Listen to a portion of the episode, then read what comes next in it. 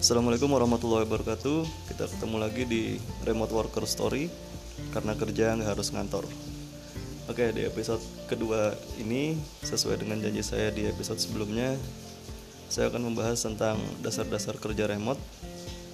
Uh, Biar teman-teman tahu apa sih kerja remote itu Dan keuntungannya apa sih Terus tantangannya apa.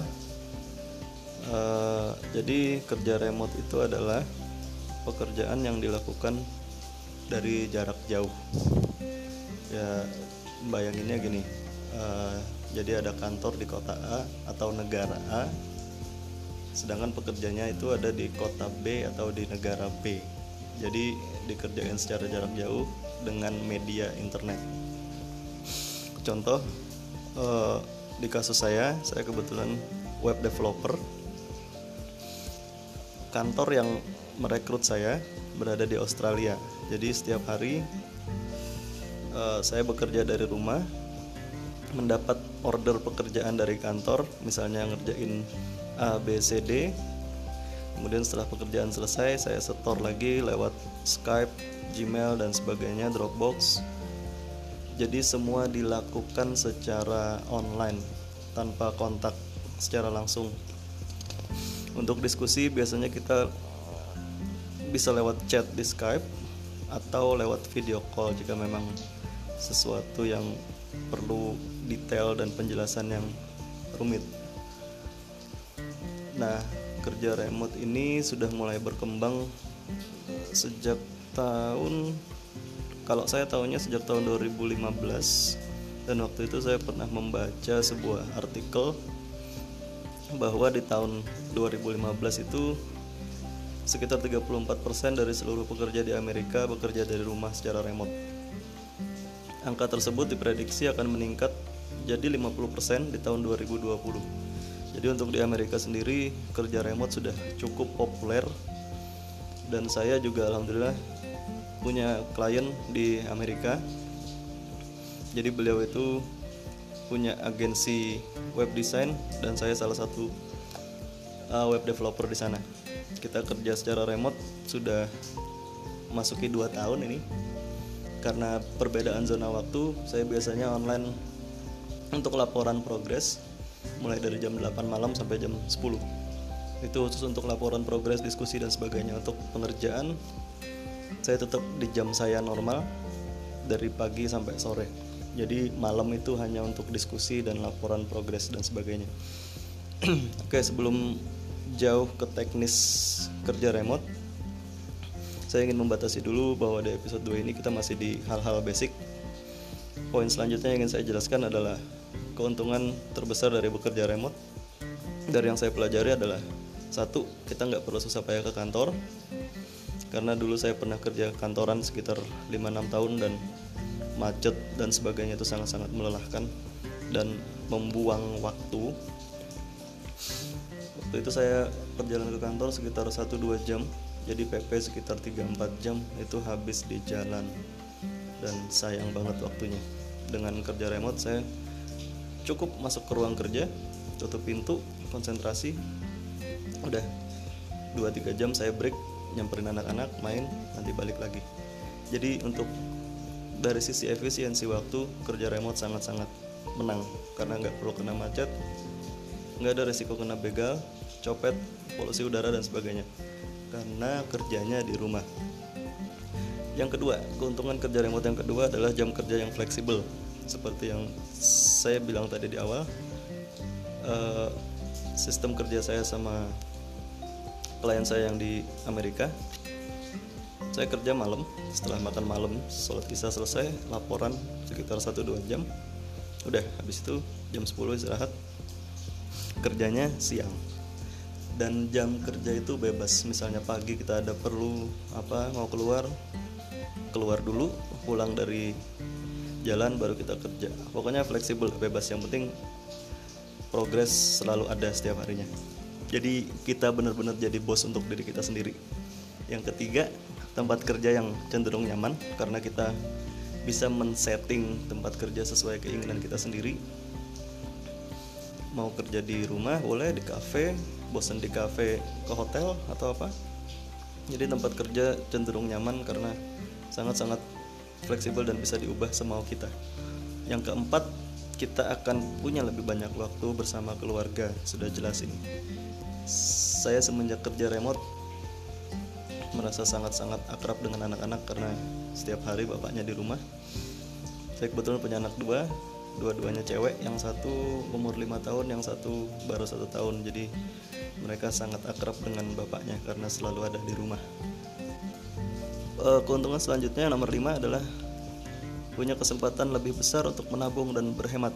Karena kita nggak perlu isi bensin nggak perlu warawiri untuk transport dan sebagainya jadi kita bisa mengelola keuangan dengan lebih baik. Yang keenam tidak perlu beli seragam kerja.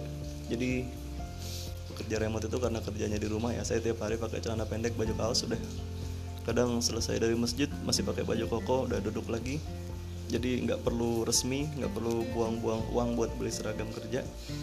Terus yang ketujuh tidak hidup di bawah tekanan bos. Karena kita adalah bos untuk diri kita sendiri tentunya kita harus tetap profesional dengan komitmen terhadap deadline dan sebagainya. Tapi di sisi lain kita punya kontrol lebih untuk mengatur waktu yang kita miliki dalam sehari. Jadi kita nggak harus ikut jam kerja kantor yang kedelapan memiliki keseimbangan hidup. Jadi hidup kita seimbang antara keluarga pekerjaan dan diri kita sendiri. E, kemudian produktivitas juga akan lebih tinggi dan ini relatif ya tergantung dari kitanya sendiri yang bisa atau tidak mengelola uh, lingkungan kerja kita sendiri. Karena di sini juga dituntut disiplin yang luar biasa karena kita tidak dipantau langsung oleh bos. Jadi ya itulah potensi bolos sangat besar. Jadi semua kembali ke diri kita masing-masing. Kalau kita di kantor terbiasa bolos maka waktu kerja remote kita kemungkinan akan ya terbawa ke kebiasaan lama. Kemudian selain sisi positif, saya juga akan membahas sedikit tentang kesalahan yang sering terjadi uh, yang sering dilakukan oleh pekerja remote.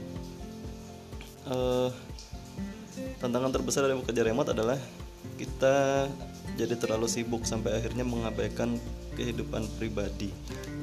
Ini kembali lagi karena kegagalan kita dalam mengelola waktu. Biasanya para pekerja remote berhasil mengalahkan tantangan ini dengan mengatur jadwal untuk bersosialisasi, misalnya dengan keluarga, teman, atau tetangga. Dan juga kita harus meluangkan waktu untuk kesenangan diri kita sendiri, termasuk olahraga. Olahraga sangat penting karena kerja remote yang kerjanya seperti saya ini uh, ya hampir 100% kerjanya hanya duduk di depan komputer. Jadi waktu pertama kali saya resign dari kerjaan saya yang lama saya sempat kena tipes karena terlalu asik kerja dan tidak pernah olahraga. Dan sejak saat itu saya bertobat dan sekarang alhamdulillah sudah mulai rutin olahraga dan kondisi kesehatan mulai membaik. Ya namanya manusia kita pasti punya salah. Dan dari situ kita belajar dan jangan diulangi lagi. Tantangan lainnya adalah kita lebih mudah kehilangan fokus. Kenapa? Karena kerjanya di rumah. Terlebih-lebih kalau kita punya anak kecil di rumah seperti saya gini anak dua masih lima tahun dan setahun kadang-kadang ujuk-ujuk datang ke kamar ngajak main. Dan itu sangat-sangat sangat menantang karena kerjaan programming itu juga biasanya butuh waktu untuk bisa fokus ke dalam ah bagi programmer ngerti lah.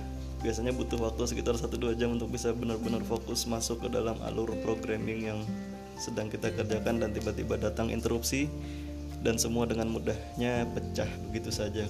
Lalu kita akan harus mengulang dari awal. Jadi mudah kehilangan fokus adalah salah satu tantangan terbesar dari kerja remote. Karena kita kerjanya di rumah. Ada banyak interupsi misalnya lagi kerja anak datang ujuk-ujuk ngajak main. Yang kedua lagi asik kerja gas habis harus diisi. Lagi asik kerja galon habis harus diisi dan sebagainya. Jadi kita harus punya komitmen dengan orang rumah bahwa jam segini sampai jam segini saya kerja tolong jangan diganggu Alhamdulillah di rumah saya sudah pada ngerti. Jadi selama jam kerja nggak ada yang akan mengganggu kecuali sangat-sangat darurat. Uh, selanjutnya ada sedikit tips untuk mengatur waktu. Pertama kita harus disiplin terhadap jadwal harian. Jadi disiplin adalah salah satu hal yang terpenting dari kerja remote. Yang kedua, jangan mengambil terlalu banyak pekerjaan sampai melebihi batas kemampuan kita. Kadang-kadang sebagai freelancer, begitu ada tawaran kita langsung tertarik untuk mengambil. Akhirnya kita sendiri keteteran dan ujung-ujungnya menghancurkan reputasi kita sendiri. Jadi jangan sampai kita keteteran dengan mengambil terlalu banyak project kita harus tahu batas kemampuan kita kita harus tahu sejauh mana kita bisa mengambil pekerjaan jangan sampai hidup kita 100% hanya untuk kerja-kerja dan kerja itu sangat-sangat merugikan diri kita sendiri dan klien juga pada akhirnya karena pekerjaan kita tidak selesai yang ketiga, catat semua ide dalam satu tempat, misalnya di dalam jurnal, whiteboard, buku, dan sebagainya. Jadi jangan sampai kehilangan ide atau inspirasi, disiapin aja kertas atau apa untuk kadang-kadang juga ada klien tiba-tiba nelpon minta ini ini ini. Jadi catatan juga sangat penting. Yang keempat, jadwalkan waktu pribadi untuk menghindari stres. Saya pribadi kadang meluangkan waktu untuk main game, nonton film, jalan-jalan dan sebagainya. Jadi kita harus benar-benar seimbang jangan sampai terlalu banyak bekerja dan akhirnya malah stres yang kelima balas email penting sesegera mungkin jangan suka menunda hal-hal yang kecil. Kelihatannya kecil tapi ketika kita tunda tunda tunda dan tunda akhirnya akan menggunung. Jadi apa yang bisa kita lakukan sekarang lakukanlah. Jangan menunda karena kebiasaan menunda itu sangat-sangat berbahaya. Dan terakhir yang mau saya sampaikan di episode kedua ini adalah 5 langkah terbaik untuk memisahkan antara pekerjaan dan kehidupan sehari-hari. Yang pertama, jadwalkan dulu waktu untuk kerja, olahraga, keluarga, istirahat, having fun, hobi dan lain-lain. Setelah itu, jalani jadwal yang telah kita buat dengan ketat dan disiplin. Kembali lagi ke disiplin karena disiplin ini adalah salah satu kunci untuk sukses kerja remote kalau kita ugal-ugalan akhirnya malah jadi lebih sibuk dari yang kerja kantoran saya serius ini karena saya sudah pernah mengalami sendiri yang kedua sesuaikan jadwal kerja dengan jadwal keluarga. Jika kita tidak melakukan ini maka bisa jadi kita akan kehilangan dua-duanya. Ingat jangan dicampur adukan. Yang ketiga buat ruang kerja khusus di rumah. Tentunya kita nggak mau dong kerja sambil makan dan makan sambil kerja. Dengan memiliki ruangan khusus kita jadi bisa fokus melakukan apa yang harus kita lakukan saat itu. Yang keempat tetapkan batasan-batasan yang jelas. Misalnya tidak membicarakan pekerjaan di saat bersama keluarga dan tidak diganggu keluarga saat bekerja. Kembali lagi disiplin.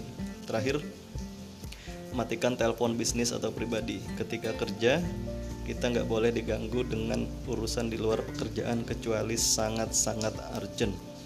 Dan ketika selesai bekerja kita nggak boleh diganggu dengan urusan pekerjaan kecuali sangat-sangat urgent dengan begitu kita bisa fokus dengan apa yang sudah kita jadwalkan.